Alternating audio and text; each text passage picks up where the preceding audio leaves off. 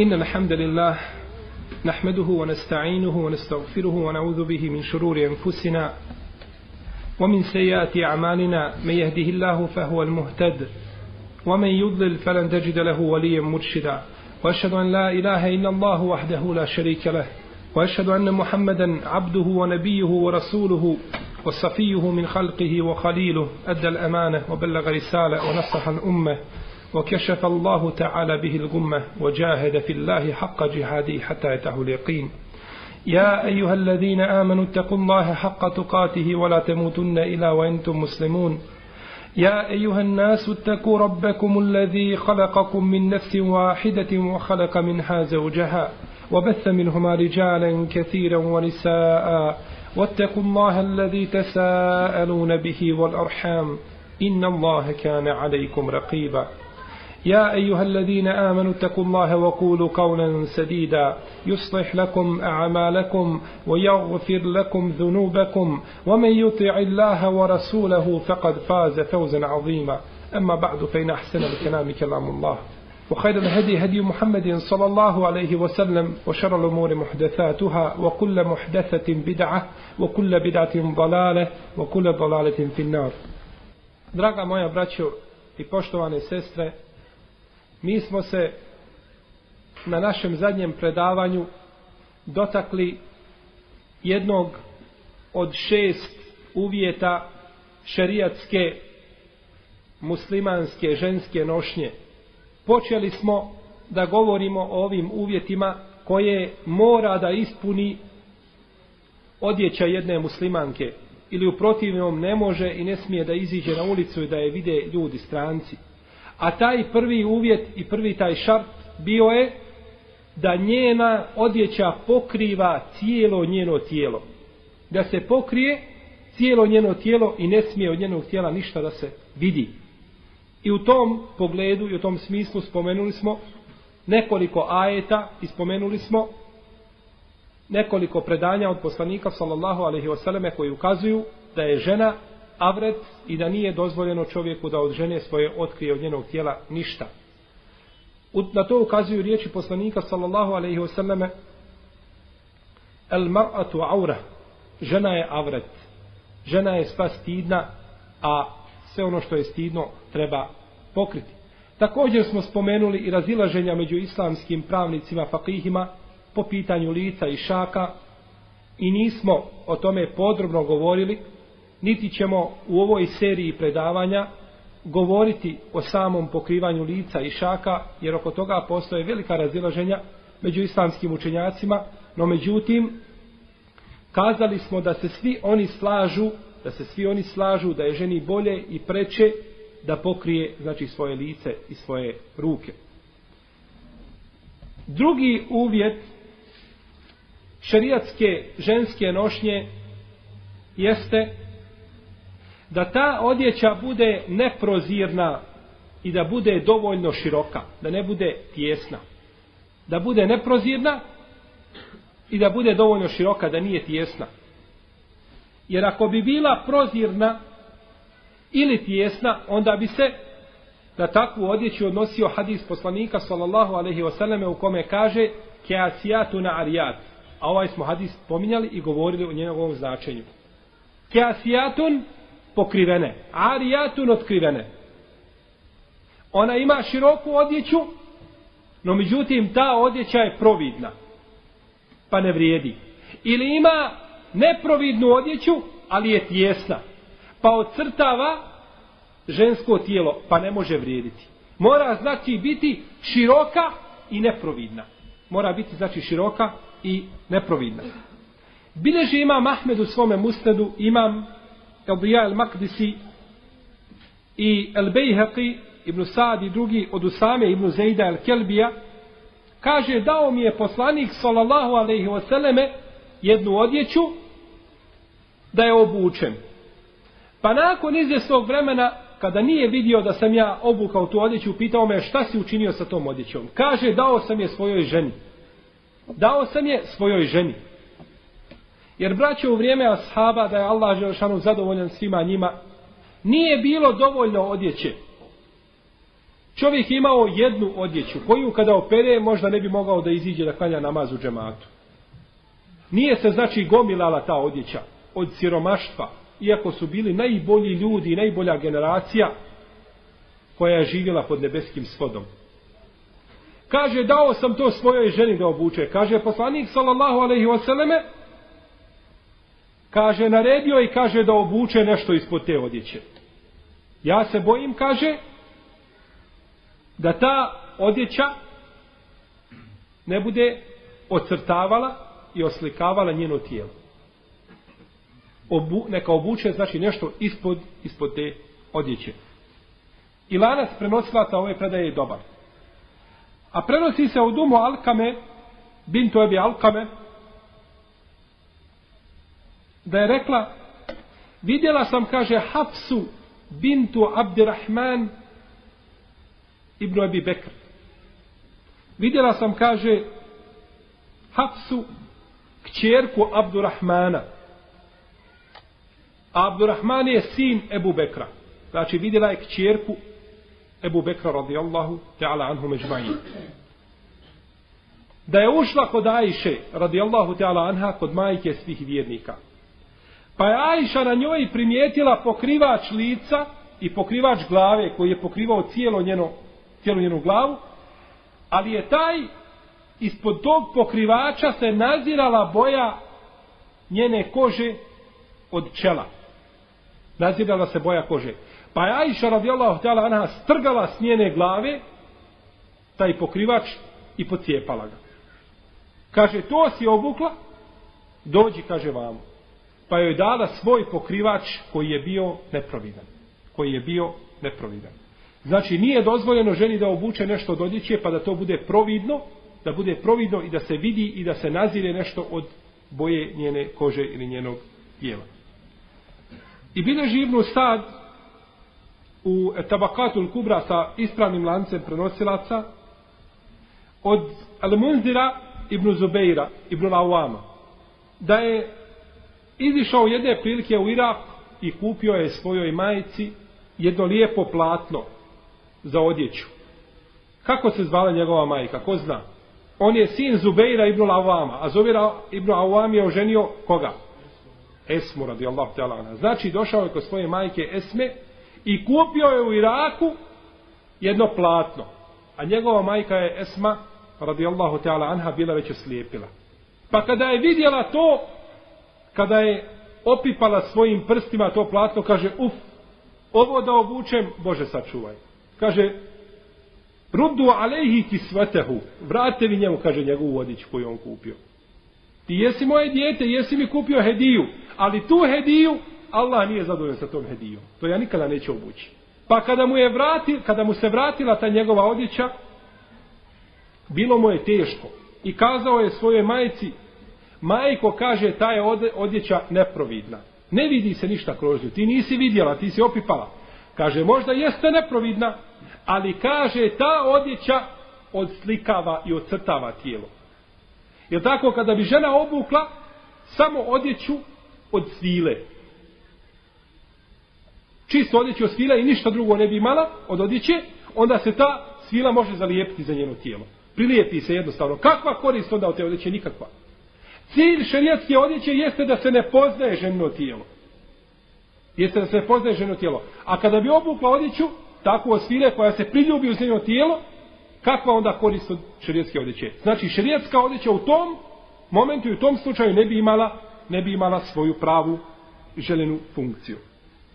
I bideže imam Bejheqi od Omara radijallahu anhu da je podijelio ljudima, muškarcima, odjeću jednu koju je donio iz Egipta i kazao je, kaže, nemojte slučajno, kaže, da biste tu odjeću dali svojim ženama. Nikako. To je samo za vas. Pa jedan čovjek od ashaba kazao, o vladaru pravovjernih, ja sam, kaže, ja sam tu odjeću dao već svoje ženi. I kaže, to sam provjerao u svojoj kući. Pa da se, kazao sam joj, idi napred i vrati se nazad da vidim da li ta odjeća, da li odgovara. Kaže, pa sam vidio da nema smetnje to buče. Kaže, Omar radi Allahanu, jeste, u kući nema smetnje. No međutim, kada žena iziđe napolje, ima vjetar i tako dalje, onda će se ta odjeća priljubiti uz njeno tijelo i tada šerijatska nošnja neće biti valjana i neće biti validna. Pa je zabranio Omer radijallahu anhu da to oblače, da to oblače žene. Spominje Ibnu Hajar el Hejtemi, jedan veliki šafijski učenjak i faqih, spominje u svome dijelu Ezevađir da je nošnja ili odjeća koja je providna ili tijesta da je zabranjena ženi haram kod svih islamskih učenjaka. I to je svrstao među el kebair, među velike, među velike grijehe. Znači, veliki je grijeh da žena obuče takvu odjeću koja će oslikavati njeno tijelo ili će se vidjeti kroz tu odjeću. Kaže Aisha radijallahu ta'ala anha, koliko samo žena, koliko kaže samo žena, oblači odjeću, kaže, a ona je, kaže, u stvari gola. Ona je bez odjeće. Kaže, jer se ta njena odjeća priljubi uz njeno tijelo. Ta se odjeća priljubi uz njeno tijelo. Pa znači, ne može doći u obzir nekakav uski žilbab, strukiran, gore i dole i tako dalje, nego to mora biti široko. Mora biti široko toliko da žena može primiti još jednu sestru muslimanku kao podstanara u svoje odijelo. E toliko treba biti široko. A ne istrukirano u struku i u i, i na ramenima i tako dalje pa da oslikava jeli, ženske zinete, zinete i ukrase. Pitanje ima Mahmed, kaže o ženi koja oblači odjeću koja je utegnuta u struku i. Kaže nikako, nikako, kaže, to će oslikavati njen zadnji dio tijela. To nije dozvoljeno. Mora biti, kaže, široka i ne smije, znači, oslikavati. Znači, drugi uvjet ženske šerijatske nošnje jeste da mora biti dovoljno široka i mora biti neprovidna. Dovoljno široka i mora biti neprovidna. Treći uvjet jeste da ta odjeća ne smije biti namirisana. Ne smije biti namirisana. Prenosi Ebu Musa Rešari u hadisu koga bilježe Nesai, Ebu Davud, Tirmizima, Mahmed Hakim i drugi sa vjerodostojnim lancem prenosilaca da je poslanik sallallahu alaihi wasallam rekao Ejume imratin ista'taret femerret ala qavmin li jeđidu rihaha fehije zanije. Koja se god žena kaže namiriše i iziđe i iziđe i prođe pored jednog naroda, oni osjete njen miris kojim se namazala, kaže ona je nemoralna. Ona je zanije, ona je zinalučarka, ona je nemoralna. Nemoralna je zbog čina koji je počinila. A kaže Zeynep Esakafije da je poslanik sallallahu alaihi wasallam rekao Iza haređet ihda kunne ila mesčid fela takrebenne tiba. Kada neka od vas iziđe, govori ženama, kada neka od vas iziđe u džamiju, neka nikako se ne približava mirisu. Neka ne koristi nikako miris. Žena može miris koristiti isključivo u svojoj kući za svoga muža. Isključivo u svojoj kući za svoga muža. Ako bi bio njen babo tu ili brati tako da neko od mahrema ne smeta, no međutim u osnovi je miris isključivo za muža od strane žene. Jel? I bileži Ebu Davudi, imam Ibn Mađe, Ebu Jala ili Bekavi sa drugi sa ispravnim lancem prenosilaca, od Ebu Hureyra radijallahu ta'ala anhu da je jedne, jednog dana stojao sa nekoliko ashaba, pa je jedna od žena prošla pored njih, pošla u džamiju. Kaže Ebu Hureyre, Allahova robkinjo, kuda si pošla? Kaže u mesčid, u džamiju. Kaže, a jesi li se ti to namirisala zbog mesčida? Kaže, jesam. Kaže, vrati se svojoj kući. Kaže, vrati se svojoj kući. Ja sam čuo poslanika, sallallahu alaihi wasallame, da kaže, kaže, kada se žena namiriše i pođe u džamiju, Allah neće primiti njenog namaza, dok se ne vrati svojoj kući i ne okupa se onako kako se kupa od dženabeta. E sad povežite ovaj hadis sa prethodnom predajom. Poslanik sallallahu alejhi ve sellem naređuje ženi koja je izišla na ulicu namirisana da se okupa od dženabeta. A u prvoj predaji kaže da ona nemoralna. Prvo kaže ona je nemoralna, a u drugoj joj naređuje da se okupa od čega od dženabeta. Pa koja je izišla taka na ulicu kao da je počila nemoral i kao da je u tom slučaju džunup, pa se mora ići kupati kući. Nije dovoljno više da opere samo mjesta, stavila miris na ruku, kaže ja ću oprati ruke dobro. Ne, moraš cijelo tijelo. Jer si ti kao ona koja je počila nemoral u grijehu. Pa se moraš kupati, moraš se kupati iznova. Kaže Ibnu Dekik il-Aid, u ome hadisu je kaže hurmet i haram, znači stroga zabrana, da se žena namiriše i da pođe i da pođe u džamiju. Jer time, kaže, izaziva šehvete i prohtjeve muškaraca. U davna vremena, braćo, i u vrijeme poslanika, sallallahu alaihi vseleme, žene su klanjale iza muškaraca u istoj džamiji. Nije bilo pregrade između njih. Šta mislite kada bi muškarci klanjali u jednoj džamiji, a iza njih stotine mirisa ženskih različitih? Kakav bi njegov namaz bio? O čemu bi on razmišljao u svome namazu? Ne može. Žena može izići na ulicu bez mirisa. Kaže šehol Islam Ibn Taymije i drugi učenjaci. Kada je ovakva zabrana ženi da se namiriše i da ide u džamiju kakva je onda zabrana ženi koja se namiriše pa iziđe na pijacu iziđe u trgovinu ide i šeta po ulici i tako dalje? Ako je haram da se namiriše za džamiju Kako onda kada pođe na šeitanska mjesta gdje svako gleda, gdje ima pokvarenih očiju i pokvarenih ljudi, kakav je onda tu hurmet i kakva je tu zabrana? Sigurno da je ta zabrana još žešća i još, još veća. I navodi opet imam El Hejtemi, u svome dijelu je zavađir, da slovio je posebno poglavlje i smatra da je od velikih grijeha da žena iziđe na ulicu namirisana. Taman joj dozvolio njezin muž, Taman da muž kaže, jeste namiriši se, dotjeraj se, pa iziđi sa mnom. Neka i moje kolege vide tvoju lepotu. Samo ti se dotiraj. Tada je griješan i on i ona. I jedno i drugo su haramu i to je neće biti opravdanje. Ne smije se namirisati, taman joj njezin muž dozvolio. Jer joj dozvoljava ono što je Allah te barak je teala zabranio. Ovdje bi samo naglasio i napomenuo na dvije stvari koje se čine što se tiče mirisa žene. Ponekad se možda muž namiriše i puno mirisa stavi na sebe i iziđe sa svojom ženom. I drži ga njegova žena ili ispod ruke ili on drži za ruku i tako dalje ili je uz njega pa onda pređe sa njega taj miris na nju. Dovoljno je samo da malo možda dotekne svoju ženu sa rukom i ima jakih mirisa i da taj miris ostaje već na njoj. I napravi se onda prestup. Ili druga stvar da da žena, ovo ne znači, znači da se muž kad se namiriše da ne treba hodati sa svojom ženom. Da ne treba izići sa svojom ženom. Ne. Može izići, ali ne smije sa njenog, njegovog tog mirisa ne smije ništa preći na nju. I druga stvar, žena se nekad namiriše, najveće čeka svoga muža i stavi jak miris i njen muž dođe i sve i ujutru se obuče, spremi i iziđe napolje. A zaboravi da se je namirisala za svoga muža ili možda u istoj odjeći i tako dalje, pa iziđe onda na ulicu namirisana. To nije dozvoljeno. Isto tako, sve vrste sapuna, šampona i tako dalje koji imaju jak miris, ako već ima takvih tih sestava, nije dozvoljeno da ih koristi kada izlazi napolje. Ako bi mogle dati, znači, tako jak miris. Iako oni, o, ovaj, e, obične, obična ta dezinfekciona sredstva koja se koriste, odnosno sredstva za čišćenje, nisu tako jakog mirisa. Ali ako bi se našlo nešto tako jako, ne bi bilo dozvoljeno to koristiti kada se izlazi, kada se izlazi napolje. Ovo je znači treći uvjet islamske ženske šarijatske nošnje.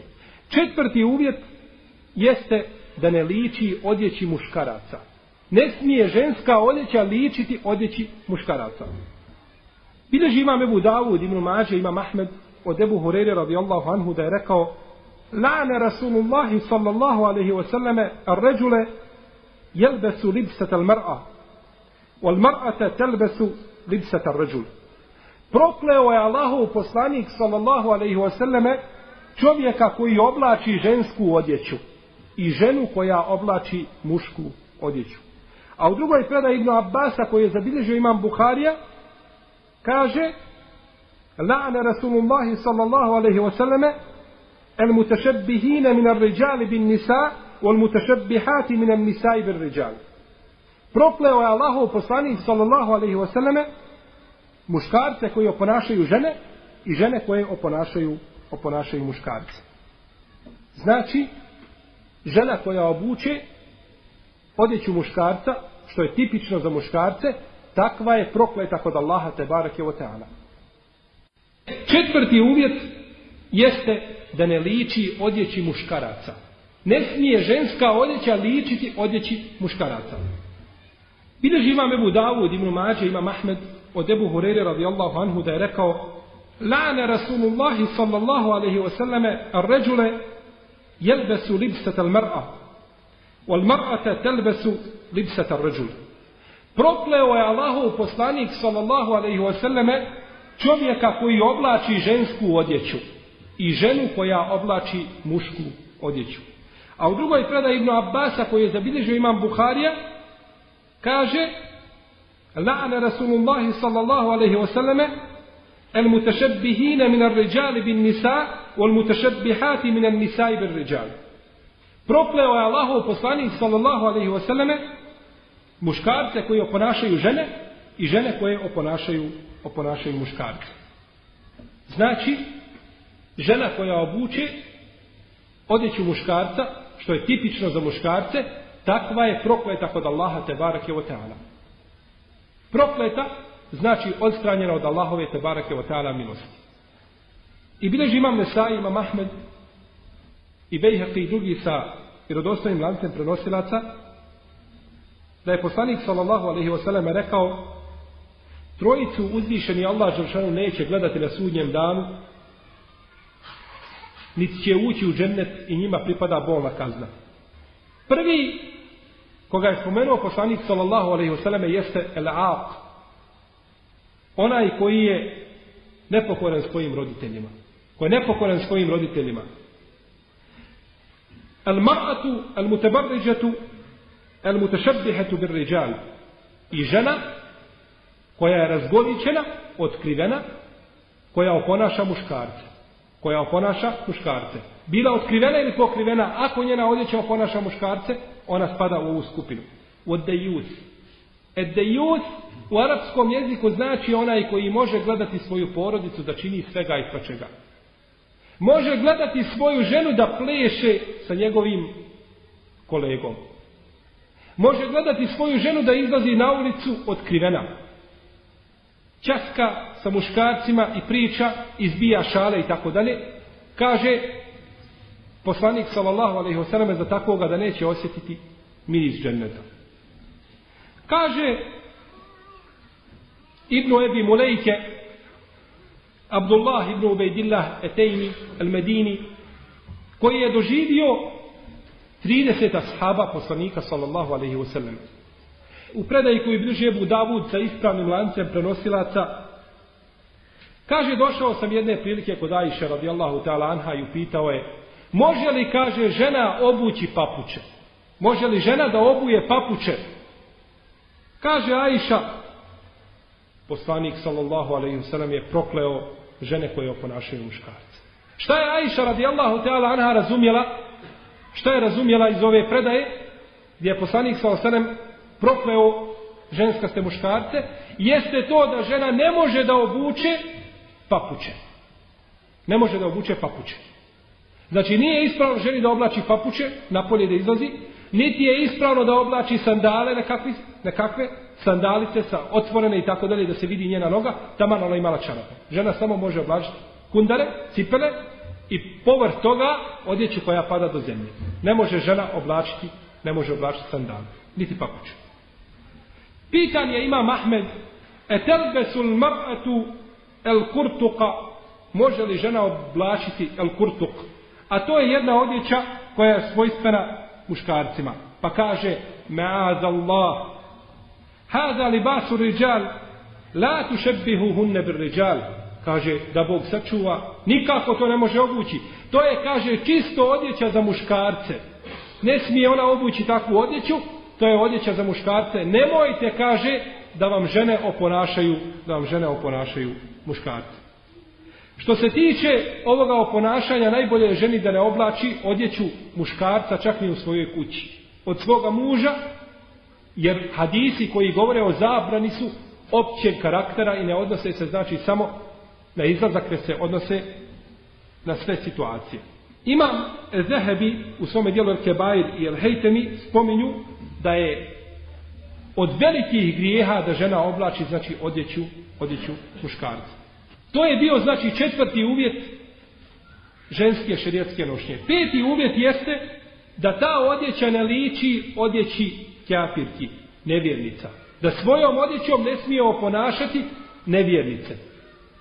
Kaže uzvišeni Allah te barake wa ta'ala Elem je'ni lilladine amanu en tahša kulubuhum li zikri Allah nazala min al-haq" ولا يكونوا كالذين أوتوا الكتاب من قبل فطال عليهم الأمد فقست قلوبهم وكثير منهم فاسقون Zar nije vrijeme muslimanima, vjernicima, pravim mu'minima, da se njihova srca poboje i da spominju Allaha Đelešanuhu zbog istine koju je spustio i da ne budu kao oni kojima je data knjiga, da ih oponašaju.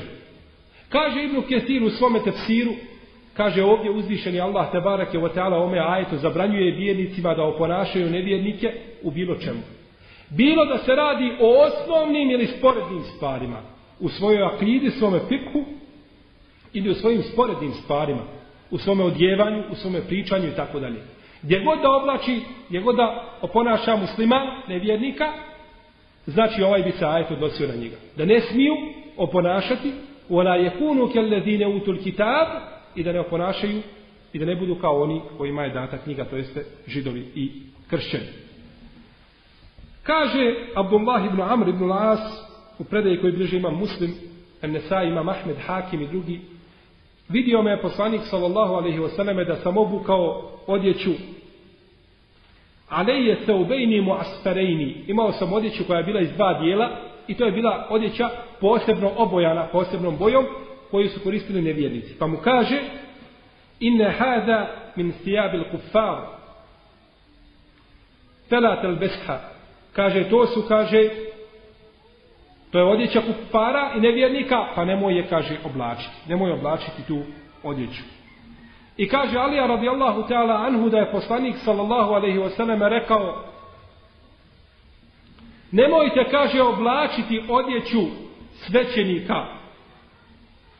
Ko se, kaže, obuče u njihovu odjeću, on ne pripada meni. Ko ponaša njih sa odjećom, takav ne pripada, ne pripada meni. I kaže poslanik sallallahu alaihi wasallam u hadisu Ibn Omara, koga bileže Ebu Dawud ima Mahmed, sa dobrim lancem prenosilaca, kako kaže šehol Islam ibn Tejmije u svojim fetvama i u svome dijelu, iktidao siratin mustaqim li muhalefeti ashabil džahim, kaže znači da je ovaj hadis dobar, men te bi qavmin fehuva minhum. Ko bude oponašao jedan narod, ko bude oponašao jedan narod, on pripada, on pripada tome narodu. Kaže šehol Islam ibn Tejmije u svome dijelu koga smo spomenuli, iktidao siratin mustaqim li muhalefeti ashabil džahim, Kaže, iz ovoga hadisa se može zaključiti da čovjek koji oblačiš odjeću nevjernika ili koji se oponaša nevjernike, kaže da je u najmanju ruku činio haram. Iako, kaže, spoljašnje značenje hadisa ukazuje da je takav nevjernik. Men te šepehe bi kaumen fehuva minhum. Ko oponaša jedan narod, on pripada njima. Kaže šehol Islam ibn Tejmije, spoljašnje značenje ovoga hadisa jeste da onaj ko ponaša nevjernike da njima pripada. Da je on od njih, da nije od, da nije od muslimana. Šta znači on je od njih u ome hadisu? Znači da shodno deređi i stepenu njegovog oponašanja njih, on biva u tom propisu. Pa ako ih oponaša u nevjerstvu koje čine, biva nevjernik. Ako ih ponaša u zlu i u haramu koje čini, biva haram kao i oni. Ako je ponaša u nečemu što je manje, od toga biva, znači, takav i u propisu. Poslanik sallallahu alaihi wasallam je, draga moja braćo, razlikovao se od nevjernika u svakom pogledu. Bileže Buharija i Muslim od Ibn Abbasa da je rekao, kaže poslanik sallallahu alaihi wasallam je, kada je poslan, zatekao je dvije skupine ljudi zatekao je mušrike, mnogobožce i zatekao je ehlul kitabije, židove i kršćane. Kada je došao, židovi su i kršćani svoju kosu spustali na svoje čelo. Znači imali su opuštenu kosu. Dok su nevjernici mnogobožci Dok su oni svoju kosu tjerali na stranu, imali su znači razdiljak na sredini, pa su tjerali svoju kosu na dvije strane, sa razdiljkom. Kada je poslanik poslan, on je u prvo vrijeme oponašao, oponašao je u prvo vrijeme kršćane. Spustio je svoju kosu i svoje ščelo. I volio je da oponaša i da se radi ono što rade kršćani u onome što mu nije bilo zabranjeno. Pa je spustio svoju kosu i svoje čelo. Kada je poslanik sallallahu alejhi ve selleme istjerao i očistio arapsko poluostrvo od mušrika, tada je poslanik onda počeo goniti svoju kosu onako kako su to činili kako su to činili mnogobožci. U prvo vrijeme razlikovao se i suprotstavljao onome ko je veći kjafir, a to su mnogobožci. Oni su veći kjafiri od židova i kršćana. Kada je očistio polostrvo od mnogobožaca, onda je počeo činiti ono što su oni činili, jer njih više tada nema. Pa se tada onda razlikovao od kršćana i židova. Znači u svakom pogledu uvijek se musliman treba razlikovati od njih. To je bio znači peti uvjet da ne liči ta odjeća odjeći kjafirki i nevjernica. Šesti uvjet i zadnji jeste da to nije odjeća isticanja. Da nije odjeća isticanja. I ovo je jako bitan, jako bitan uvjet. Kaže Ibn Omar da je poslanik sallallahu alaihi wa sallam rekao Men lebi se seube šuhratin fi dunja elbesehu Allahu seube mezelletin jeumel qijameti thumme elhebe fihi nara. Ko obuče na dunjaluku odjeću isticanja, Allah će ga na sudnjem danu umotati u odjeću poniženja, pa će sa njim potpaliti vatru džehennemsku. Ko obuče odjeću isticanja. Šta je odjeća isticanja? Kažu islamski učinjaci, komentatori hadisa, odjeća isticanja je sve ono čime se čovjek ističe u jednom društvu. Da čovjek obuče posebnu nošnju koja nije svojstvena tom društvu, takva se odjeća smatra odjećom isticanja. Da bi ljudi u njega gledali. Allah te barak je će sa njim potpaliti ovu vatru da bi svi ljudi gledali u njega i da bi on bio u centru pažnje kao što je bio u centru pažnje na Dunjalu. Na Dunjalu koji je htio da svako gleda u njega i da on bude taj u koga se upiru pogledi. E i na ahiretu će se u tebe isto tako upirati pogledi. Samo u vatru džehennemsku. Jer Allah te barak je ne dozvoljava da se čovjek da nastoji da se istakne među drugim ljudima. Ne sam sobom. Ako te ljudi ističu i oni te turaju da budeš prvi i da budeš njihov predvodnik i najbolji i najljepši među njima i, i najbogobojazniji, to je druga stvar. To je Allahova dobrota prema tebi. Jer Allah te barak je o kaže poslanik sa osvrem, kada Allah što zavoli roba, on kaže stanovnicima nebesa, o stanovnici nebesa, kaže ja sam zavolio ovoga roba, kaže volite ga i vi. A stanovnici nebesa kažu stanovnicima zemlje, o stanovnici zemlje, Allah te barak je o voli toga roba, i mi smo ga zvoljili, volite ga i vi. Pa ga onda sam svijet zavoli i sve što je između nebesa i zemlje. Sve ga voli. To je drugo, čovjek nije to htio i nije to želio. No međutim, kada to želi, biva mu, biva mu ovakva, ovakva konačnica. Zato, braću, u šerijat, zato šerijat nije precizirao precizno odjeću muškarca. Niti žene do kraja. Kada bismo danas tražili da opišemo poslaniku sallallahu alejhi ve selleme odjeću precizno, kako opisujemo namaz koji klanjamo, nikada ne bismo mogli. Nikada ne bismo našli predaje, kaže se poslanik imao košulju. Kakva je košulja, ne znam. Koliko je duga, široka, ovakva ili onakva, imala dugma, nije imala otvorena, zato ne znamo to. To nije precizirano. Nego je šerijat braćo postavio ova opća pravila i nakon toga Allahov robe oblači šta god želiš. Shodno podeblju u kome živiš. Nemoj se razlikovati od ljudi i podeblja u kome živiš. Oblači ono što oni oblače s tim da ta odjeća koju oblače ne smije se kositi sa šarijetom. Ako se kosi sa, sa šarijetom, bilo da je uska ili tijesa, prozirna i tako dalje, ti nosi ono što je najbliže toj odjeći, ali da odgovara šerijatu. Da odgovara šerijetu. I takva se odjeća smatra sunnetom. Jer treba, znači, u toj odjeći samo ispuniti ove uvjete o kojima, o kojima govorimo. Kada imam, znači, braćo, svako podneblje ima odjeću koje nosi. Ne može se jedna odjeća koja se nosi na kraju dunjavuka nositi a, na drugom kraju. Ili u jednoj zemlji nosi se odmah u drugoj. To nije tako. Ne mora znaš tako muslimani u jednoj zemlji nose određenu odjeću, da ta ista odjeća vredi za sve zemlje gdje žive muslimani. To nije tačno. To nije niko kazao od islamskih učenjaka. To je odjeća ovaj prvenstveno vrijedi za to podneblje u kome čovjek živi. Pitanje ima Mahmed, kaže, da li, kaže, možemo dozvoliti čovjeku u Iraku da obuče odjeću sa crno-bijelim prugama? Kaže, nikako. Kaže, da je u Meki, kaže, to bi mu dozvolili, ali kaže, u Iraku nikako.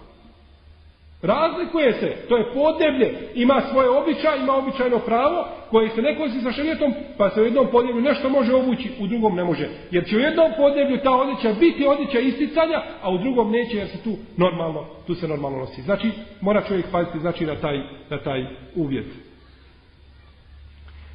Što se tiče ovoga, ovoga uvjeta i ovoga šarta, u njega također ulaze i drugi i druge stvari Kao na primjer da žena nosi crvenu odjeću. Jer ta crvena boja, ona izaziva poglede ljudi. Znači da iziđe, da iziđe u crvenoj odjeći napolje na ulicu. U svojoj kući, pred svojim mužem, pred svojim sestrama, muslimankama i tako dalje. Ne smeta, no međutim da iziđe napolje u nekakvom crvenom džilbabu, to nije dozvoljeno. To je zabranjeno.